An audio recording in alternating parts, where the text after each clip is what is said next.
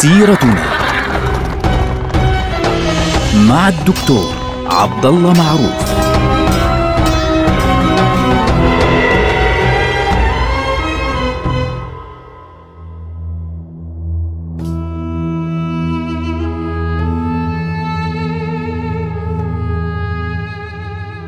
السلام عليكم ورحمة الله وبركاته. سيرتنا سيرة هذه الأمة ونحن الآن في عهد السلطان عبد الحميد الثاني في عام 1904 في أيام كان السلطان عبد الحميد الثاني فيها يعني مشغولا بفكرة إنشاء خط سكة الحديد الحجازي إضافة إلى مواجهة المشروع الصهيوني الحديث الذي كان قد آه، وصل إلى أسماع السلطان في عام 1901 عندما تمكن تيودور هرتزل من الوصول إليه طبعا تيودور هرتزل هو مؤسس الحركة الصهيونية.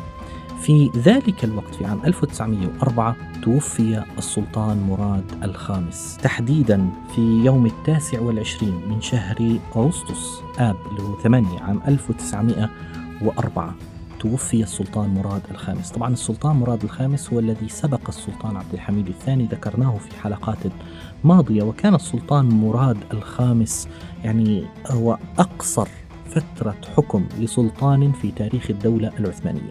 كانت فترة حكمه لا تتجاوز 93 يوما فقط.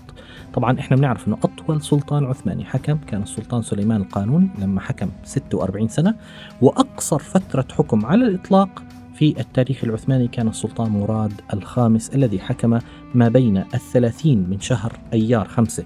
عام 1876 حتى الحادي والثلاثين من شهر آب اللي هو 8 عام 1876 في نفس السنة يعني 93 يوم وبعدها تم التنازل آه، عن العرش وإعطاء الحكم للسلطان عبد الحميد الثاني كما ذكرنا في حلقة ماضية.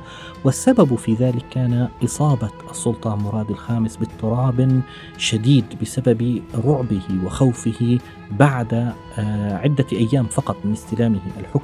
عندما قتل عمه السلطان عبد العزيز بطريقة كانت بشعة.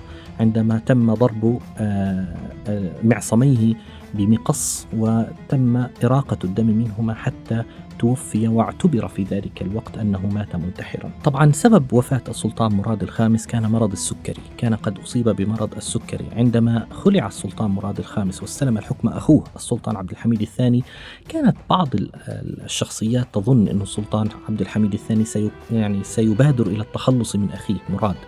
ولكن السلطان عبد الحميد لم يفعل ذلك.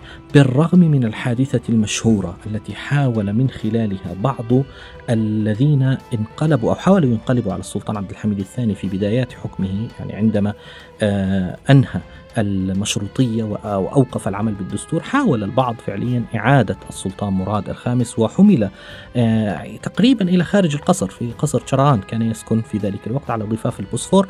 حاول بعضهم أن يأخذه إلى الخارج مثل عملية الاختطاف يعني إلى قصر آه، دول مبهجة لكي يعلن حاكما من جديد لكن السلطان عبد الحميد الثاني تمكن من إيقاف هذه العملية. يعني بطريقة عجيبة أوقفت وذكرناها في حلقة ماضية. هل هذا الأمر جعل السلطان عبد الحميد الثاني مثلا ينتقم من أخوه؟ السلطان مراد أبدا.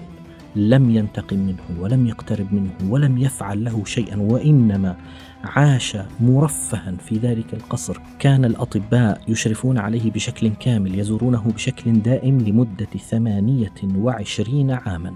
سكن في هذا القصر قصر شرعان حتى توفي في ذلك اليوم بعد أن اشتد عليه مرض السكري يوم التاسع والعشرين من آب في ذلك الوقت. كان وقتا صعبا على السلطان عبد الحميد الثاني وأمر السلطان عبد الحميد الثاني بأن تقام جنازة تليق بمقام السلطان مراد الخامس احتراما لمقام السلطنة أصلا احتراما لمقامه لأنه كان خليفة للمسلمين وسلطانا للدولة العثمانية ودفن في آه، منطقة يني جامع بجانب والدته اللي هي شوكفزة.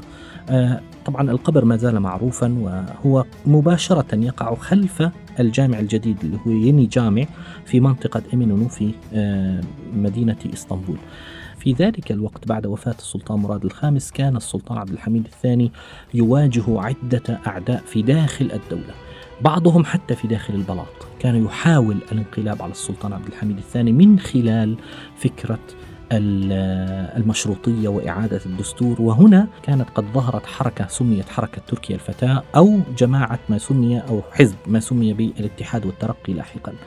وفي نفس الوقت كان هناك مشاكل لا تزال موجودة مع الأرمن بشكل كبير جدا وزادت ووصلت إلى الذروة في العام التالي في عام 1905 في حادثة يعني مررنا عليها في حلقة ماضية لكن نتكلم عنها بشكل آه، إلى حد ما مفصل في هذه الحلقة وهي حادثة القنبلة المشهورة.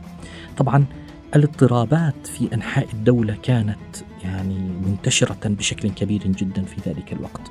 كانت الدول تحاول أن تنفصل عن الدولة العثمانية، كانت المناطق المختلفة خاصة المناطق القريبة من الدول الأوروبية، وفي نفس الوقت الأرمن كان يدعمهم الروس وكان يدعمهم البريطانيون من طرف خفي، يعني البريطانيون يدعمونهم في وجه روسيا وفي وجه الدولة العثمانية يحاولون إنه يتخذوا من القضية الأرمنية قضية يعني ذريعة. إن صح التعبير للتدخل في شؤون الدولة العثمانية. وفي نفس الوقت روسيا كانت تمد الأرمن بكل ما يحتاجونه من قوات من أسلحة من غيره لكي يحاولوا الانقلاب على السلطان عبد الحميد الثاني أكثر من مرة. حاولوا بشكل كبير جدا أن يهاجموا السلطان عبد الحميد الثاني ولكنهم لم يتمكنوا أبدا من ذلك. كان السلطان عبد الحميد على فكرة مشهور بأنه هادئ جدا وفي نفس الوقت ذكي جدا وحريص جدا. يعني هدوءه كان مش معقول يعني أحيانا كان يستغرب بعض الناس. يعني مثلا في عام 1901 قبل هذه الأحداث بحوالي أربع سنوات حدثت هزة أرضية قوية جدا أثناء وجود السلطان عبد الحميد الثاني في حفل العيد في حفل المعايدة في قصر دولما بهجة كان عيد الأضحى المبارك فوقعت هزة أرضية قوية في إسطنبول. طبعا الجميع فزعوا وارتعبوا بدأوا يخرجون من كل مكان لكن السلطان عبد الحميد الثاني هدأ ولم يتزحزح من مكانه أبدا ولم يقل أكثر من كلمة يعني ساكنوا ساكنوا بمعنى اهدأوا اهدأوا اهدأوا لدرجة أن السفير الإنجليزي في ذلك الوقت أرسل تقريرا إلى لندن عن هذه الحادثة ويعني ذكر فيه أن السلطان عبد الحميد كان رجلا هادئا بشكل غير معقول.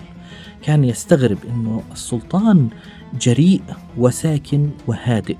وأيضا حتى السفارة الأمريكية في إحدى التقارير المذكورة في الأرشيف الأمريكي. يعني مذكور رسالة في هذه الحادثة تقول إن السلطان عبد الحميد الثاني يعني كان هادئا بشكل عجيب في هذه الحادثة الكبرى، طبعا هو ليس أول زلزال يحدث في عاد في ذلك الوقت، فالسلطان عبد الحميد كان يعني هادئ الأعصاب وفي نفس الوقت حريصا جدا.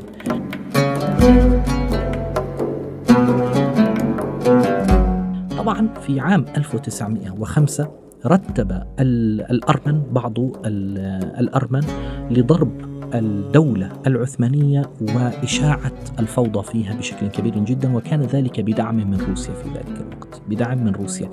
هناك بعض آه، الآراء التي تقول إن بعض الدول الغربية مثل فرنسا وإنجلترا أيضا كانت موافقة على هذه الحادثة وكان لها يد في الموضوع. لكن يعني الموضوع هذا ما زال من أحد الأمور التي ما زالت قيد الدراسة وما زالت قيد البحث وما زالت أيضا حتى قيد آه، الأخذ والعطاء بين المؤرخين الذي يهمنا هنا إنه حادثة القنبلة الشهيرة التي وقعت يوم الحادي والعشرين من يوليو تموز اللي هو شهر آه، سبعة من عام 1905 خطط لها من قبل بعض الأرمن.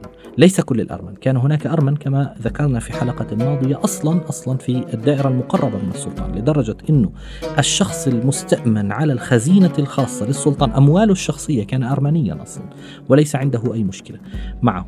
كانت الفكرة في ذلك الوقت استهداف السلطان عبد الحميد بالقتل.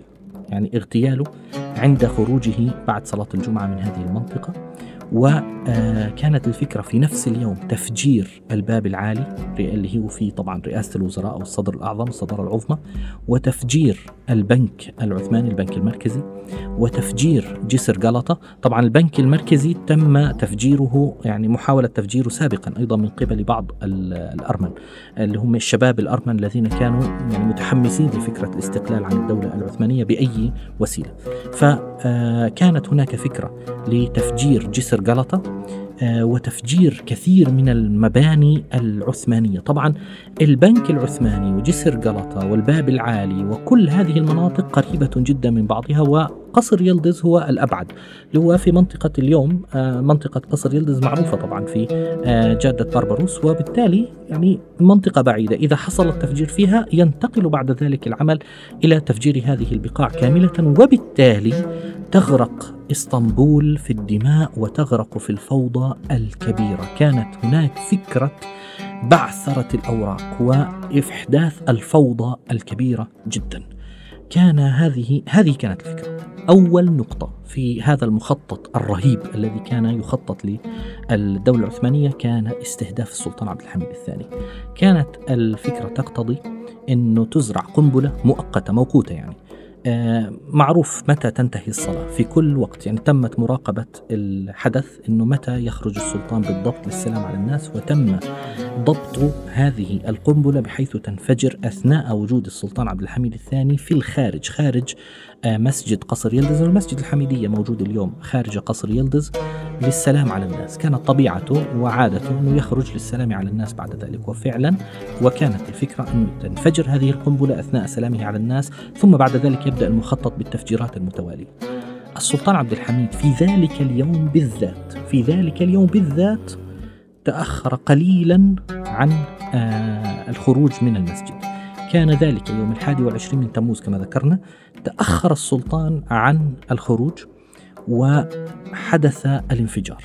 قتل في هذا الانفجار 26 شخصا وجرح 58 شخصا كما تذكر الروايات العثمانية في ذلك الوقت الأخبار الموجودة في ذلك الوقت ولم يكن من بينهم السلطان عبد الحميد.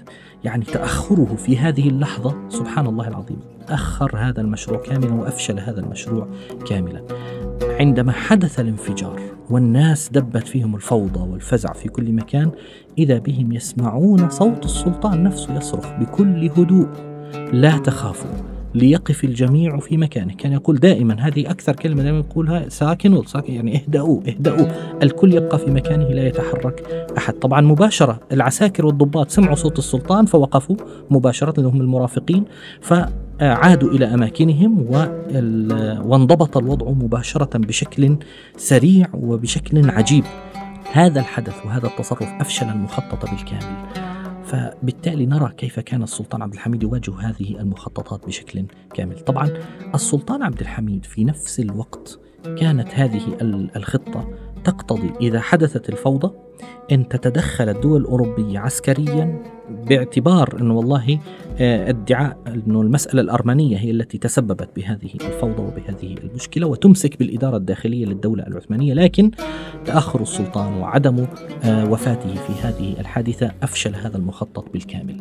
كانت النتيجة أنه اتجه فعليا العمل إلى داخل البيت العثماني من خلال الوسائل السياسية هذه المرة، يعني لم تنجح الوسائل التخريبية والتدمير وغيره في آه، إسقاط السلطان عبد الحميد الثاني فبدأ العمل السياسي إن صح التعبير على إسقاط السلطان عبد الحميد الثاني. هذه المرة بدعم مباشر من الدول الأوروبية التي كانت ترى إنه ليست المسألة الأرمنية فقط هي الحجة في هذا الموضوع وإنما حقوق الإنسان إن صح التعبير وحقوق الانتخاب وغيرها هي التي يمكن أن تتكلم من خلالها وتهاجم السلطان عبد الحميد الثاني.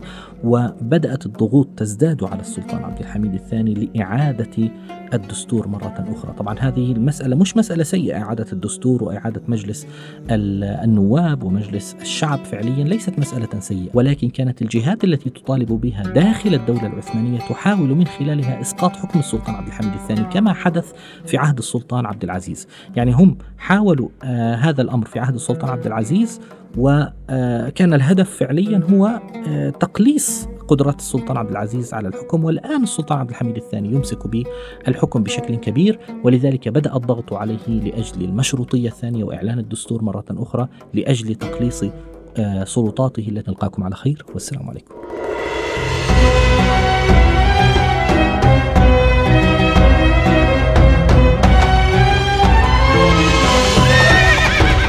سيرتنا مع الدكتور عبد الله معروف.